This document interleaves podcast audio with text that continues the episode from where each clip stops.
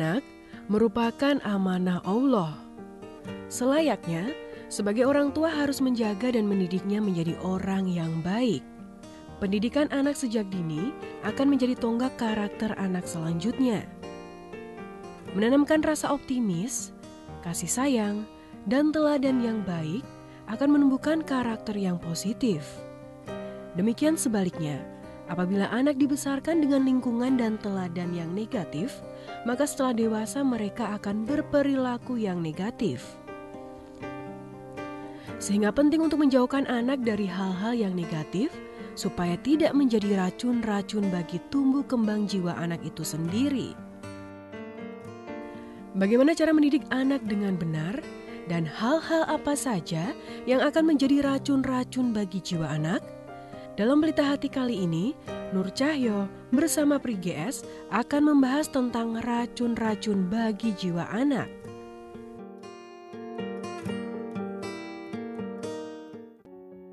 Assalamualaikum warahmatullahi wabarakatuh.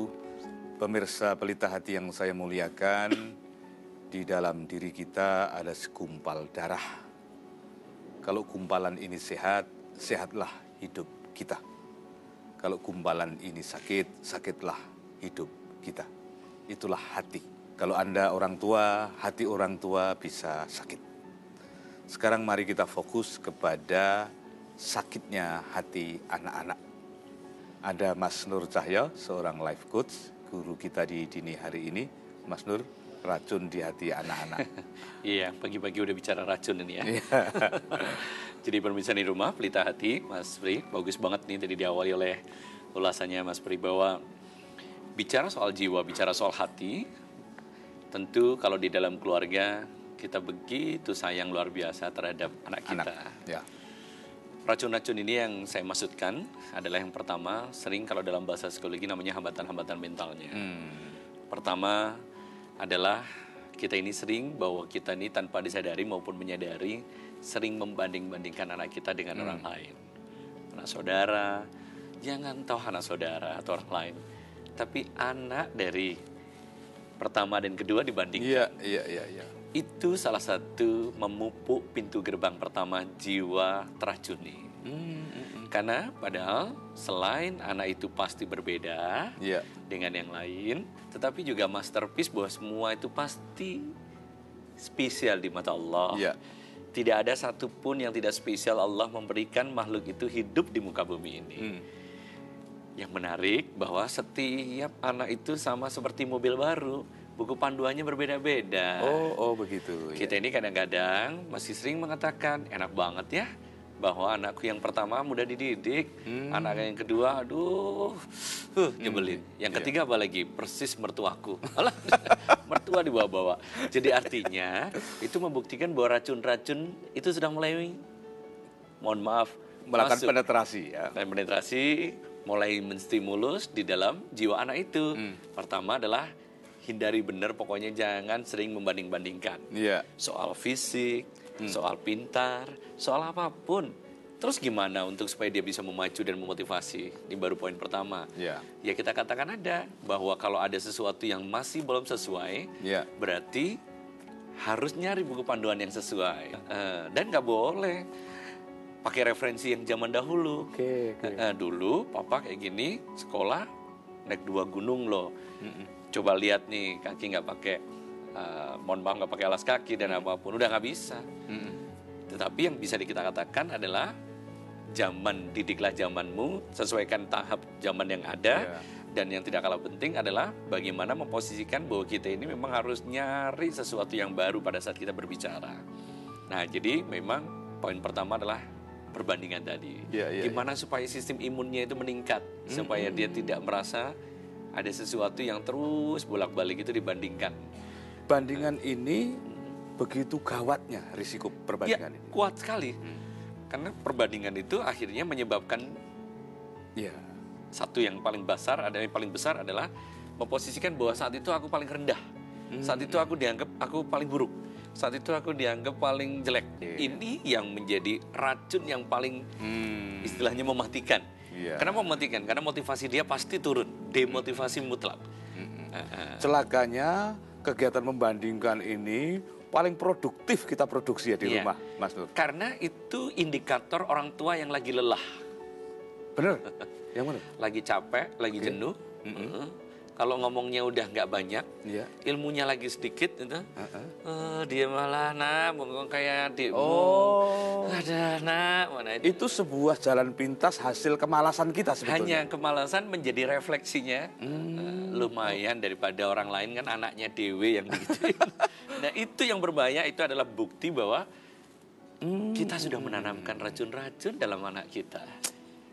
Iya, iya, iya. Nah itu menjadi catatan yang besar buat kita bahwa poin yang pertama ini bagaimana cara menyelesaikannya tadi satu menyadari bahwa setiap anak masterpiece atau setiap anak itu spesial rahmatil alaminya pasti sesuatu yang luar biasa dan yang kedua buku panduannya harus Berbeda. baru berbeda. Nah buku panduan itu tidak hanya dihafal, bukan hanya diingat ya, Iya. tapi buku panduan itu ditulis dan diterapkan. Hmm. Eh, eh, ini anak yang berapa nih? Yang pertama, oh anak yang pertama kalau ngomong saya senyum dulu, oh bener ya enak ya. Oh, anak yang kedua, oh ini nggak bisa diperintah ini. Hmm. Ini bisanya cuma disanjung dulu baru dia jalan. Ada sesuatu yang beda. Iya, iya, iya, Eh, iya, Dan iya. itu nggak boleh ketuker. Nggak boleh segitu ketuker. Modul eh, buku panduannya tidak boleh ditukar Ya, setuju. Oke, oke, oke. Iya, eh, saudaraku, Poin saya pertama itu.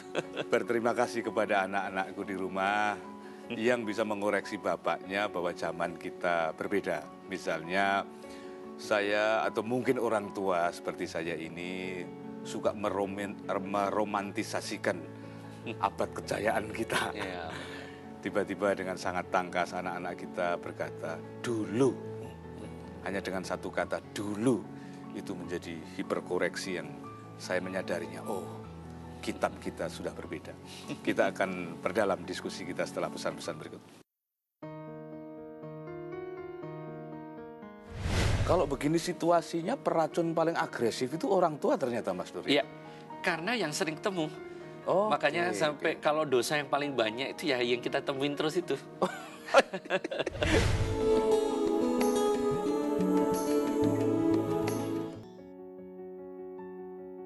meracuni hati anak ternyata bisa lewat pintu-pintu kita orang tuanya. Sebuah produktivitas kegiatan yang berkontribusi besar dalam meracuni anak yang itu sangat tipikal terjadi di banyak keluarga termasuk di keluarga saya tanpa saya sadari adalah membandingkan anak bahkan hanya dengan kakak dan adiknya. Itu saja kesakitannya sudah tanpa ampun Iya benar. apalagi kok dibandingkan dengan anak tetangga, Iya. anak orang-orang hebat yang menurut kita hebat sambil melukai anak kita sendiri. Aduh, saya jadi terbayang daftar dosa saya, Mas Nur. Sama. Membanding-bandingkan anak itu ternyata begitu gawatnya di dalam Iya. hidup mereka ya. Dan orang yang takut, orang yang kecewa itu memakan memori lebih banyak daripada orang bahagia. Yang benar. Dalam sebuah penelitian 300 ribu neuron orang yang bahagia banget. Tapi begitu orang itu kecewa, itu bisa sampai 3 juta sampai 8 Waduh. juta neuron. Kalau kita bahagia, Indikatornya gampang. Apa coba? apa? Orang yang kecewa lebih ingat daripada orang bahagia. Oh iya. Jadi iya, mudah iya. terpanggil memorinya. Oke. Tiga juta itu. Iya, bisa lebih dari 3 juta. Artinya bahwa orang kecewa itu lebih mudah tersimpan di dalam pikiran kita daripada saat kita bahagia. Kita juga harus mulai beristighfar benar. Mohon ampun benar pada Allah. Tidak ada satupun anak dilahirkan untuk nakal. Tidak satupun anak dilahirkan untuk siap menjadi penjahat. Tidak ada satupun anak dilahirkan untuk harus melawan orang tuanya. Tapi ada sesuatu yang besar yang harus kita sadari bahwa kita ibarat satu kertas putih yang bersih. Anak itu kita itu kita tulisin apa pun terserah orang tuanya dari awal. Tapi kita terkadang sengaja atau tidak sengaja menulis apa yang sedapatnya saja kita tulis di dalam hati. Ada satu kesan di mana bahwa kita juga harus berani untuk memposisikan bahwa anak harus lebih baik daripada kita itu juga di clear. Itu untuk membuat perbandingan itu jadi turun. Iya, iya, iya. Ini iya. kok dulu ah, saya kayak gini nggak berani, anak saya berani. Nah itu kita harus sampaikan juga, nak itu bagus lebih baik dari papa. kita ini jarang banget ya bahwa yang buruk kita itu nggak mau diangkat sama anaknya. Jangan, kita juga harus berani. Yang itu nggak baik. Kamu buktinya bisa. Makasih ya. itu juga bisa memotivasi papa Oke. contoh Iya, iya. untuk bisa memberikan Yang mengagetkan adalah pemakanan neuron akibat kekecewaan dan kesedihan itu. Mm-mm. Berarti kalau anak itu tiga sehari tiga kali kecewa saja, itu sudah berapa neuron yang terbunuh? itu menyebabkan paranoid itu yang menyebabkan bahwa dia jadi depresi ada ketakutan-ketakutan yang tanpa alasan ada sesuatu yang akhirnya indikatornya gini memorinya anak itu sudah berkurang banyak karena bebannya Iya. milih sepatu aja sudah orang tuanya Oke, oke, oke. ini nih Dani tapi mama aja deh. Bunda aja deh papa aja deh. Menurut papa gimana? Nah itu bukti bahwa neuron dia sudah mulai banyak sekali yang dipakai hal-hal kekecewaan-kecewaan tadi. Karena ah, Oke. nanti paling toh dikomentarin papa jelek. Ah paling dikomentarin. Padahal tadi ada sesuatu yang kita harus jaga bahwa neuron anak itu tidak diisi oleh racun-racun yang menyebabkan jiwanya atau hatinya juga untuk tadi. Itu poin pertama perbandingan. Yang kedua adalah tadi kita ini berani melabeli dengan mudah jasmen-jasmen negatif itu dengan mudah. Hmm, Misalnya. kamu memang kalau yang pertama ini keras kepala. Hmm, kalau yang kedua nurut tapi males. Hmm. Oh. ucapan jasmen Ini fatwa sudah ya? fatwa dan kalau sudah fatwanya itu sudah. Mutlak. Itu ibarat sebuah lapangan sudah ada pagarnya. Pagarnya kamu nggak lewat dari situ. Dan itu sudah racun yang poin kedua yang gawat lagi. Drop lagi terus. Kalau begini situasinya peracun paling agresif itu orang tua ternyata Mas Duri. Iya, karena yang sering temu. Oh, Makanya oke, sampai kalau dosa yang paling banyak itu ya yang kita temuin terus itu. Jadi mau yang kita cintai pun kita banyak berdosa sama Iya, dia, iya. yang kita deket juga banyak berdosa. Kenapa? Karena banyak hal yang kita ini masih belum bisa memberikan yang baik akhirnya. Nah, jadi poin yang kedua tadi adalah gimana caranya ya? Yuk mulai hindari jasmen-jasmen label-label itu, hal negatif itu kepada dia. Jadi kalau nggak pas itu bukan berarti karakter dia kok. Kalau nggak benar bukan berarti dia sifat itu kok. Iya, iya. Kalau nggak benar bisa jadi ilmu kita masih belum tahu atau Iya. belum paham. Bisa jadi kita ini lagi lelah. Bisa jadi stres kita ini nggak ada pelampiasan ya lumayan lah pada anaknya pelampiasan stres kan kepada anak. nah jadi Iya. itu yang menyebabkan racun-racun itu tumbuh lagi yang kedua. Hmm.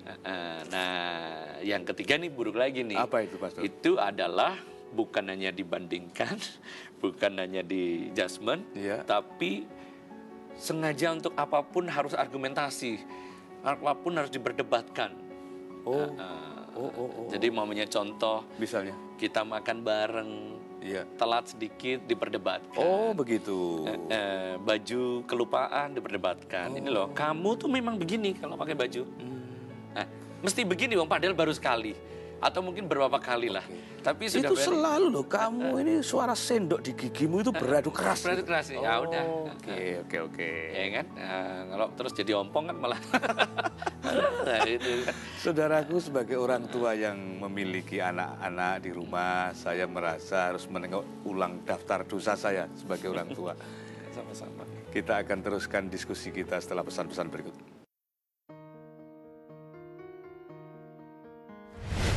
Harus mulai update kesepakatan-kesepakatan. Hmm, MOU-nya diperbarui. diperbarui dan itu sah kok adil kok Wong yang sepakatin kita Iya, iya. yang punya peran kita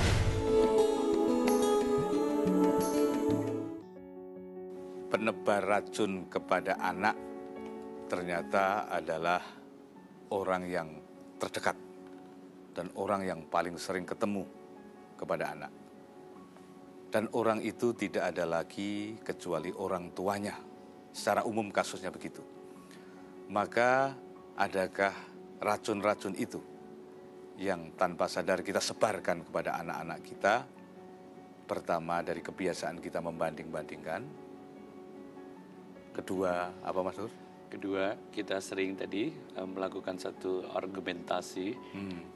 dan yang ketiga tadi judgment jadi judgment negatif jadi label-labelnya itu tidak boleh eh, dimunculkan terus-menerus. Kalau memang ada beberapa kekurangan ya jangan. Itu menjadi satu label yang inti bahwa anak ini keras anak ini nah, jadi ini yang memang harus harus dihilangkan benar harus mulai dijaga benar tidak akan harus terjadi. Eh, Oke. situasi itu. Tentang apa-apa yang harus diperdebatkan tadi itu, itu menarik. Itu agak mengejutkan saya karena Saya sering melakukan itu dengan seolah-olah mengatasnamakan pendidikan, Ya. kedisiplinan. Mm-mm. Lainnya sudah dipanggil, datang satu anak belum padahal ini untuk urusan makan siang. Saya anggap ini menghina kedaulatan kebersamaan. Wah, ternyata itu bermasalah. Mas Surya. artinya bermasalah adalah kita ini lupa bahwa setiap orang itu bisa terjadi lalai. Hmm. Setiap orang, setiap anak bisa juga terjadi bahwa ada sebuah kebosanan. Oke, oke. Eh, ya kita bikin standar-standar itu. Mm-mm. Tetapi kita sadar benar bahwa itu bukan bicara baik dan buruk, tapi juga menyadari bahwa posisi itu bisa terjadi loh pada diri kita. Mm-mm. Nah, jadi makanya kalau bisa kita sudah harus sering memposisikan bahwa ada satu keharusan juga untuk kita memposisikan bahwa kita ini juga harus ikut belajar sama dia. Mm.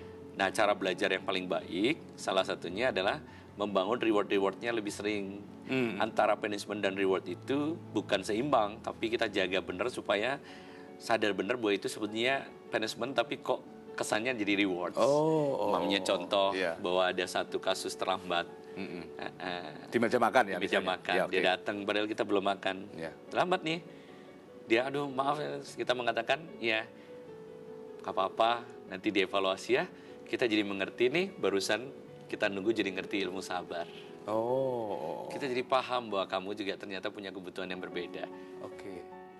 Jadi ada rewards ada punishmentnya jelas Mm-mm. kita nunggu Iya. saya dapat hukuman Iya. kamu juga dapat hukuman saya tegur kamu nggak boleh terlambat lagi tapi kita juga dapat sesuatu yang baru Mm. Aku jadi ngerti ilmu sabar. Ilmu sabar. Aku jadi ngerti bahwa ternyata ada orang yang bisa juga lalai atau terlena.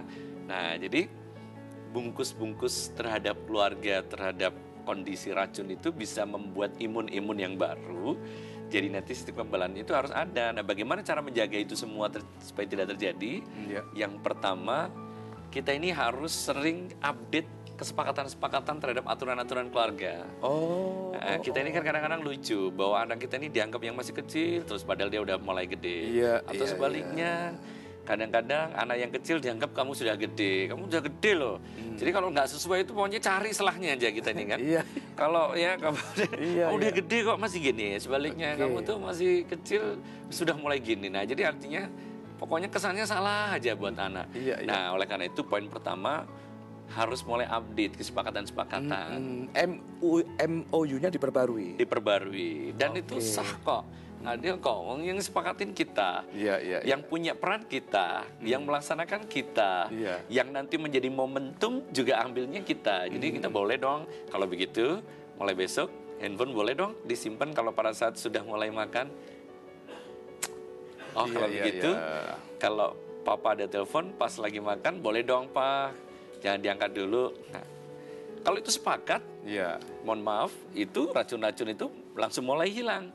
Hmm. Kenapa? Karena ada sesuatu yang kini bukan bicara soal anak dan bapak, tapi Iya. soal bagaimana kesepakatan untuk memberikan pembelajaran yang besar terhadap keluarga keluarga kita. Aduh, saudaraku, ternyata ada banyak akad yang lupa kita perbarui di dalam rumah Ya, itu. insya Allah. Jangankan memperbarui, bahkan jarang sekali atau bahkan keluarga kami membuat akad secara sadar di depan.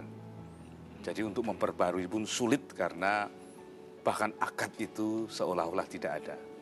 Ayo kita ruat bersama kebudayaan ini untuk menuju ke produktivitas yang lebih baik. Amin, amin, insya Allah. Insya Allah kita akan ketemu di lain episode Pelita Hati ini. Saya akan mengajak guru-guru kita. Mas Nur saya harapkan terus menemani kita di Allah, ruangan ini. Semoga bermanfaat. Saya Pri GS. Saya Nur Cahyo Adikusumo. Assalamualaikum warahmatullahi wabarakatuh. wabarakatuh.